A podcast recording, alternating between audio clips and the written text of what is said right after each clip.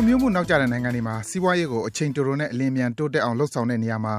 FDI လို့ခေါ်တဲ့ နိုင်ငံခြားက တိုက်ရိုက် လာရောက် ရင်းနှီးမြှုပ်နှံမှုတွေဟာ အရေးပါတဲ့ အခန်းကဏ္ဍမှာ ရှိနေတာပါ။မြန်မာနိုင်ငံဟာလည်း ဖွံ့ဖြိုးမှုနောက်ကျတဲ့ နိုင်ငံတွေထဲမှာ ပါနေတာကြောင့် နိုင်ငံခြား တိုက်ရိုက် ရင်းနှီးမြှုပ်နှံမှုတွေ လိုအပ်နေတဲ့ နိုင်ငံတခု ဖြစ်ပါတယ်။ မြန်မာနိုင်ငံအတွင်း နိုင်ငံခြားကနေ တိုက်ရိုက် လာရောက် ရင်းနှီးမြှုပ်နှံခွင့်တွေကို ၁၉၈၈ ခုနှစ်ကစလို့ ခွင့်ပြုခဲ့ပေမယ့် အခုနောက်ဆုံး တိုင်းပြည်ကို အုပ်ချုပ်ခဲ့တဲ့ သမ္မတ ဦးသိန်းစိန် အစိုးရလက်ထက်အထိ အောင်မြင်မှုရှိတယ်လို့ ဆိုနိုင်တဲ့ အနေအထားကို ရောက်မလာသေးပါဘူး။ဧပြီလဆန်းမှာ တိုင်းပြည် အုပ်ချုပ်ရေးအာဏာကို လွှဲပြောင်း ရယူခဲ့တဲ့ NLD အစိုးရလက်ထက်မှာတော့ ၂၀၁၇ ခုနှစ်ကနေ ၂၀၂၀ ခုနှစ်အကြား နိုင်ငံခြား တိုက်ရိုက် ရင်းနှီးမြှုပ်နှံမှု နှစ်စဉ် အမေရိကန်ဒေါ်လာ ၆ ဘီလီယံအထိ ရနိုင်ဖို့ မျှော်လင့်ထားတယ်လို့ ဆိုပါတယ်။အဲဒီ ပမာဏဟာ ၂၀၂၁ ခုနှစ်ကနေ ၂၀၃၀ ခုနှစ်အကြားမှာတော့ နှစ်စဉ် အမေရိကန်ဒေါ်လာ ၈ ဘီလီယံအထိ တိုးမြင့်သွားမယ်လို့ မျှော်လင့်ထားကြတာပါ။အစိုးရက အခုလို နိုင်ငံခြား ရင်းနှီးမြှုပ်နှံမှုတွေ နှစ်စဉ် တိုးတက်မယ်လို့ မျှော်လင့်ချက်ထားရှိတဲ့ အဓိက အကြောင်းရင်းထဲမှာ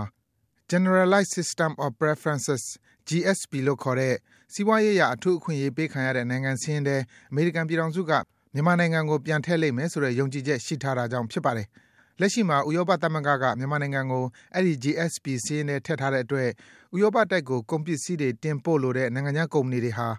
၂၀၁၃ ခုနှစ်ကစလို့ မြန်မာနိုင်ငံမှာ သူတို့ရဲ့ စက်ရုံတွေကို လာရောက် တည်ဆောက်ပြီး ကုန်ပစ္စည်းတွေ တင်ပို့နေကြပြီ ဖြစ်ပါတယ်။ မကြာတော့တဲ့အနာဂတ်ကာလမှာ အမေရိကန်ပြည်ထောင်စုက မြန်မာနိုင်ငံကို GSP စာရင်းထဲ ပြန်ထည့်လိုက်မယ်ဆိုရင် အလားတူ နိုင်ငံခြားက တိုက်ရိုက် ရင်းနှီးမြှုပ်နှံကြမယ့်သူတွေလည်း အတိုင်းအတာတခုအထိ တိုးမြင့် ရောက်ရှိလာကြမှာ ဖြစ်ပါတယ်။ဒါကြောင့်လည်း ၂၀၁၃ နဲ့ ၂၀၁၄ ဘဏ္ဍာနှစ်မှာ မြန်မာနိုင်ငံအတွင်း နိုင်ငံခြားက တိုက်ရိုက် လာရောက် ရင်းနှီးမြှုပ်နှံတဲ့ ပမာဏ အမေရိကန်ဒေါ်လာ ၄.၁ ဘီလီယံ ရှိခဲ့ရာကနေ ၂၀၁၄-၂၀၁၅ ဘဏ္ဍာနှစ်မှာ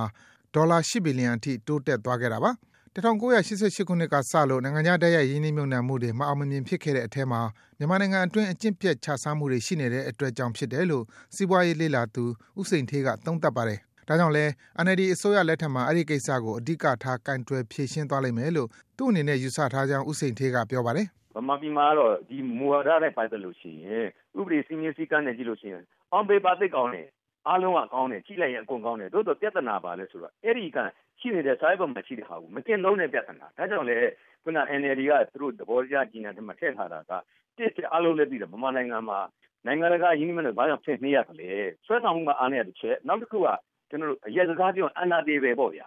နော်အနာတေပယ်တွေကများခဲ့တယ်ဗျ corruption ပေါ့အကျင့်ပြတ်ခြစားမှုတွေများတော့ဒါကြောင့်မို့လို့ NLD ကကြီးရတယ်ပါပါတယ်အကျင့်ပြတ်ခြစားမှုကသူတို့ရဲ့ဦးစားပေးဒါကိုကျွန်တော်တို့ကင်းရှင်းအောင်လုပ်ဖို့အတွက် ကျွန်တော်တို့သူတို့ချထားတယ်ဗျချထားတော့ခုနရင်းနှီးမြှုပ်နှံမှုနဲ့ပတ်သက်ရင်အဲ့ဒါကိုအရင်ကျွန်တော်ကင်တွယ်လိမ့်မယ်လို့ကျွန်တော်ထင်တယ်အဲ့တော့သူတို့ review တော့လုပ်ရမှာဒါထုံးစံမှာဘယ်နိုင်ငံမှာဖြစ်ဖြစ်အစိုးရတရက်ကြောင်းသွားရင်တော့အရင်အစိုးရချမှတ်ထားတဲ့မူဝါဒတွေကိုတော့သုံးပြန်လဲသုံးသက်ကြတာပဲဒါခုကျွန်တော်တို့အနေနဲ့ထင်တာကတော့ NLD ကအဲ့ဒီကာလတွေရောက်နေတဲ့အခါမှာကျွန်တော်ထင်ပါတယ်ပြည်သူလူထုကိုသူတို့ဒီလို ထင်သာမြင်သာအောင်ချပြောမှာပါ။ဒေါ်အောင်ဆန်းစုကြည်လည်းပဲဟိုလွန်ခဲ့တဲ့၃နှစ်ခန့်ပြောထားတယ်။နိုင်ငံခြားရင်းနှီးမြှုပ်နှံမှုတွေကိုအားပေးမယ်။သို့တော် ethical investment နော်ဘာလဲဆိုတော့ကျင့်ဝတ်နဲ့ညီတဲ့ရင်းနှီးမြှုပ်လက်ခံပါ။အခုကအားလုံးလည်းသိတယ်။နော်ဘာလဲဆိုရင်ဒီနှစ်20ကျော်တော့နိုင်ငံခြားရင်းနှီးမြှုပ်နှံမှု1989ကစလာတဲ့ခင်ဗျာထုတ်လုပ်တဲ့ကဏ္ဍတွေမှာခုနကျွန်တော်တင်ပြလို့ကျွန်တော်တို့သဘာဝတန်ဆာထုတ်တဲ့ခင်ဗျာတိုင်းပြည်အကျိုးမရှိဘူးကြားရင်ကုန်မယ်။နောက်တစ်ခုကဘာလဲဆိုတော့လာတဲ့နိုင်ငံတွေကြည့်ပြန်ရင်လည်းပဲကိုနားကနိုင်ငံတွေကကိုယ်ထဲမှာလာပြီးတော့ ဒီကျွန်တော်တဲတဲတဲ့ပြောတော့အလုတ်ကန်လည်းအများကြီးဖန်တီးပေးတာမဟုတ်ဘူးနီးပညာလည်းမကြံဘူးစာအုပ်ထဲမှာတော့နီးပညာနဲ့ပတ်သက်လို့ရအောင်ယူမယ်ပြောတာပေါ့ဗျာဒါပေမဲ့တကယ်တမ်းမကြံဘာကြောင့်လဲဆိုတော့တကယ်တမ်းခုနတင်ပြခဲ့တဲ့အနာဒီဘယ်တွေများတယ်ကျိုးနီစနစ်တွေရှိတယ်အကျင့်နဲ့ခြားစားမှုတွေကကြီးစိုးတဲ့ခါကျတော့တကယ်တိုးတက်တဲ့နိုင်ငံများကသူတို့ကလာမှလာနီးပညာဆိုကြမှာဘူးဗျနော်လေယာကဏ္ဍပဲလာလာအခုနထုံးမှုကဏ္ဍဖြစ်တဲ့ဆောင်းမှုကဏ္ဍတွေပဲဖြစ်ဖြစ်နီးပညာကြောင်လာမဲ့ဟာတွေမရှိတော့အခု NLD ကကျွန်တော်ထင်တယ် review လုပ်ပြီးသွားလို့ရှိရင် သူတို့ကအဲ့ဒီအပိုင်းတွေမှာဦးစားပေးပါလိမ့်မယ်ဆိုကျွန်တော်တို့ကနားလည်ထားပါတယ်ခင်ဗျ။ဒါပြင် NLD အစိုးရလက်ထက်မှာအရင်အစိုးရအဆက်ဆက်ကလှုပ်ဆောင်ခဲ့တဲ့ပုံစံနဲ့မတူတဲ့ရင်းနှီးမြှုပ်နှံမှုပုံစံကိုပြောင်းလဲလှုပ်ဆောင်လိမ့်မယ်လို့လည်းဦးစိန်ဌေးကသုံးသပ်ပါတယ်။နိုင်ငံခြားရင်းနှီးမြှုပ်နှံမှုနဲ့ပတ်သက်လို့ရှိရင်ကျွန်တော်တို့နားလည်သလောက်ကအရင်ဆက်ဆက်ကနိုင်ငံခြားရင်းနှီးမြှုပ်နှံမှုမှာအစိုးရရဲ့မူဝါဒကဘာလဲဆိုတော့ဘာဝတရားဇာတထုတ်ယူတဲ့ဘက်မှာသူကဦးစားပေးအများကြီးလုပ်ခဲ့တယ်ခင်ဗျအားလုံးလည်းပဲကိန်းကနန်းရကျွန်တော်တို့ချိန်လုံးပြောခဲ့တဲ့ဒီ အထူးကျင်းတော့ဟိုပါပေါ့လေကျွန်တော်တို့စောစောပိုင်းကတော့ရေနံနဲ့တဘာဝတန်းငွေထုတ်ယူတဲ့ဘက်မှာဒီနိမ့်နာမှုရဲ့သုံးပုံတုံကျော်ကျော်လောက်ကိုသူတို့ကဒီမူဝါဒနဲ့တွားထားတယ်အဲနောက်ပိုင်းကျွန်တော်တို့နားအဖပြီးတဲ့ခေတ်ရောက်တဲ့အခါကျတော့ဒီလျှက်စစ်ခန္ဓာပေါ့ဗျာလျှက်စစ်ထုတ်ယူနေပတ်သက်လို့ဒါတွေကသူတို့ဦးစားပေးသွားကြတော့အဲ့ဒီကဏ္ဍတွေမှာဒီနိမ့်နာမှုမူဝါဒကိုပို့ခဲ့တယ်အခုတော့ကျွန်တော်စောစောကသူတို့ရဲ့ NLD ရဲ့ကျွန်တော်တို့ရွေးကောက်ပွဲကြီးညာစာတမ်းရဲ့မူဝါဒအရာကြည့်မယ်ဆိုရင်သူတို့ရဲ့မူဝါဒတွေဟာဘာလုပ်မလဲဆိုလို့ရှိရင် လေယာစိုက်ပျိုးရေးမှာအင်းဒီမနာမှုအရင်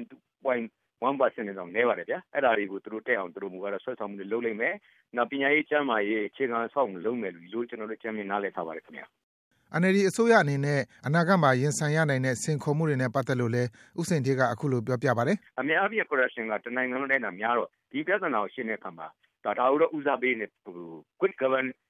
government ပေါ့ဗျာ ဟုတ်လား clean government ပေါ့ဗျာအဲ့တော့တန်ရှင်းတဲ့အစိုးရဖြစ်ဖို့ဆိုဒီကောင်တော့ကင်တယ်မယ်သို့တော့ဒါအမြင့်တက်လာတဲ့အခါကျတော့ချက်ချင်းလိန်ငင်းကြီးထက်ပညာပေးတဲ့ကာလမျိုးလေးထားမယ်လို့သူတို့ဆိုပါတယ်ဒါကြောင့်ကျွန်တော်တို့ပြောချင်တာကသင်္ကောမှုတွေနဲ့ပြောရင်တော့အများကြီးပါနော်အများကြီးပါဒီဗီဇဟာတွေပြောမှဆိုလို့ပြီးနေမှာမဟုတ်တော့အဲ့ဒီအကျိုးဆက်ကြောင့်ရှိနေတဲ့စိန်ခေါ်မှုတွေကိုတော့လက်ရှိအစိုးရရင်ဆိုင်ရမှာဖြစ်တော့ရက်တရာအတွင်းမှာ ကျွန်တော်တို့ကကောင်းတဲ့ဖြေထွက်ဖို့ဆိုတော့အတော်ခက်ပါလိမ့်မယ်ဒါကျွန်တော်တို့အပြင်မဲ့အမြင်ပါခင်ဗျဘာကြောင့်လဲဆိုတော့ဥပမာလေးတစ်ခုပေးရရသည်ကျွန်တော်တို့ဒီမှာလာအမေရိကန်နိုင်ငံတို့လိုဖွံ့ဖြိုးပြီးတဲ့နိုင်ငံတွေကတော့သူအစိုးရပြောင်းနေမယ်သူ့မူဝါဒကသိပြီးတော့မဟုတ်ဘူးမူဝါဒကြီးလုံးဝ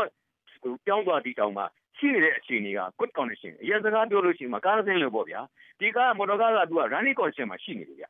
တိုင်းပြည်မော်တော်ကားဆိုရင်တိုင်းပြည်မော်တော်ကားဆိုသူက driver seat မှာ driver ပြောင်းသွားတာကားမောင်းမဆိုသူလိုချင်တဲ့ဥတရားသူကအရင်မြောက်သွားမယ်သူတောင်သွားချင်တဲ့ကားတောင်သွားမောင်းလို့ရတယ်ဗျကျွန်တော်နိုင်ငံမှာပြဿနာမော်တော်ကားကြီးကဖွချဖွချကဖြစ်နေတယ်အင်းကြီးလည်းမကောင်းဘူးဒီခါလေးထိုးရိုက်နိုင်မှုရှိတဲ့ခါကျဘလောက်ပဲ driver ကြီးကကိုလိုချင်တဲ့လမ်းကိုမောင်းမောင်းအဲ့ဒီကားကြီးကမရရင်ပြဿနာပဲအဲ့ဒါသင်ကုန်မှုတွေပဲအဲ့ဒါကိုတိုင်လို့ဖို့ရှိတဲ့ခါကျတော့ challenge တွေတော့အများကြီးပြောမယ်ဆိုပြီးနိုင်မှာမဟုတ်တော့အဲ့ဒီ challenge ကိုကျွန်တော်ကားဥပမာလေးပြောချင်တဲ့အခါမှာသင်ကုန်မှုတွေကိုရင်ဆိုင်ရမယ် အချိန်နဲ့ပြေးဖို့ဆိုတာကဒီမြန်စင်းလိုပဲတိတ်ကိုရဖို့တော့လိုပါလေဦးမယ်သို့တော့ပြေးတော့ပြေးပါပဲအခုပဲစပြေးပြီးဥပဒေစီမင်းတွေချုပ်တယ်နိုင်ငံစသည်ပေါ့လေဆိုတော့စလုပ်တဲ့အခါမှာတော့ကျွန်တော်တို့ကဒါကိုကောင်းတဲ့ဘက်ကိုတော့သွားမယ်သို့တော့အချိန်အပြင်တင်ဖို့တော့အနည်းငယ်လေးတော့ခက်မယ်လို့ကျွန်တော်အနေနဲ့ဘေးရမြင်တာကိုကျွန်တော်တင်ပြခြင်းဖြစ်ပါတယ် NLD အစိုးရအနေနဲ့ prudent budget မြင်သာခြေရှိတဲ့ budget ရေးဆွဲဆောင်ရွက်ခြင်းကြစ်လက်ပြီးအင်အားရှိတဲ့အစိုးရသစ်ကိုဖွဲ့စည်းခြင်းလေယာကဏ္ဍတိုးတက်အောင်ဆောင်ရွက်ခြင်းငွေကြေးတည်ငြိမ်အောင်ဆောင်ရွက်ခြင်း အခြေခံအဆောက်အဦတွေ ဖွံ့ဖြိုးအောင်ဆောင်ရွက်ခြင်း၊သဘာဝပတ်ဝန်းကျင်နဲ့ လိုက်လျောညီထွေရှိအောင် ဆောင်ရွက်ခြင်း စတဲ့ စီးပွားရေးမဏ္ဍိုင် ၆ ခုအပေါ် အခြေခံလုပ်ဆောင်သွားမှာဖြစ်ကြောင်း NLD စီးပွားရေးကော်မတီက အစောပိုင်းမှာ ပြောကြားထားပြီး ဖြစ်ပါတယ်ခင်ဗျား။